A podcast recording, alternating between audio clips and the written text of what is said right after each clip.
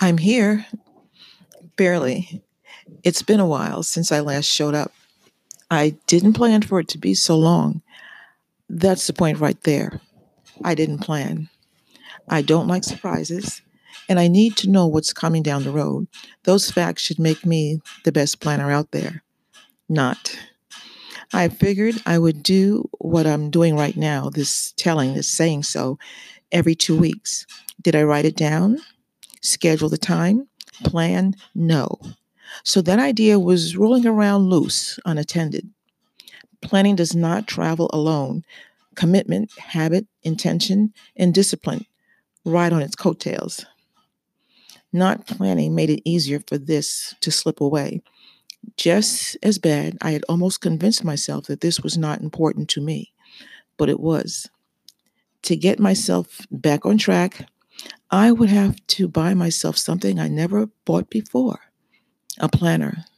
The second I made up my mind about that, I got an email regarding a planner.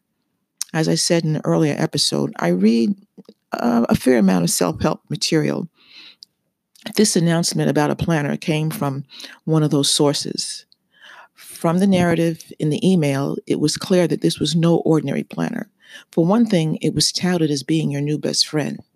It stated that this planner, and I quote, was based on the largest study of high performers and how they increase productivity, set goals, prioritize, and create a positive mindset and habits to win the day.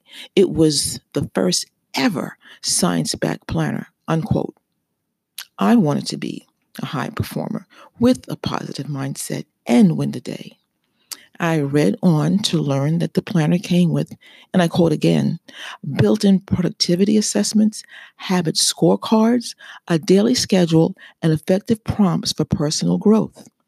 This planner will not only change the way you plan and prioritize, it will change the way you think.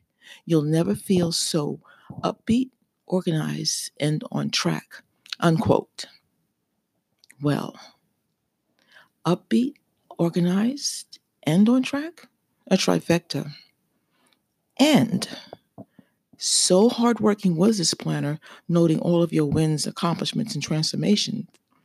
Its life expectancy was 60 days, and then you would send for a new planner. Furthermore, the planner did not come dated. Once the planner was in my hands, the start date was up to me. The ball would be in my court.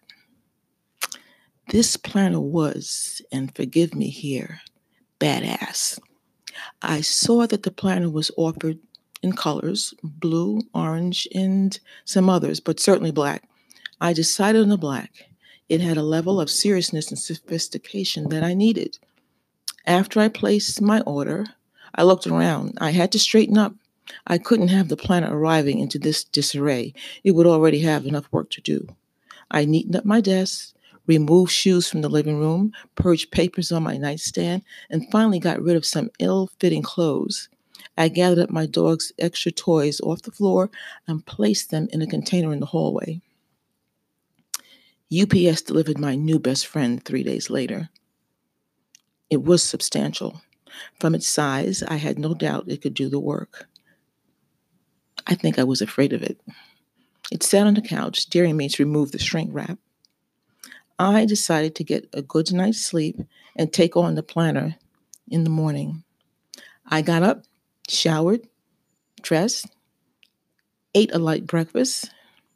I approached my new best friend.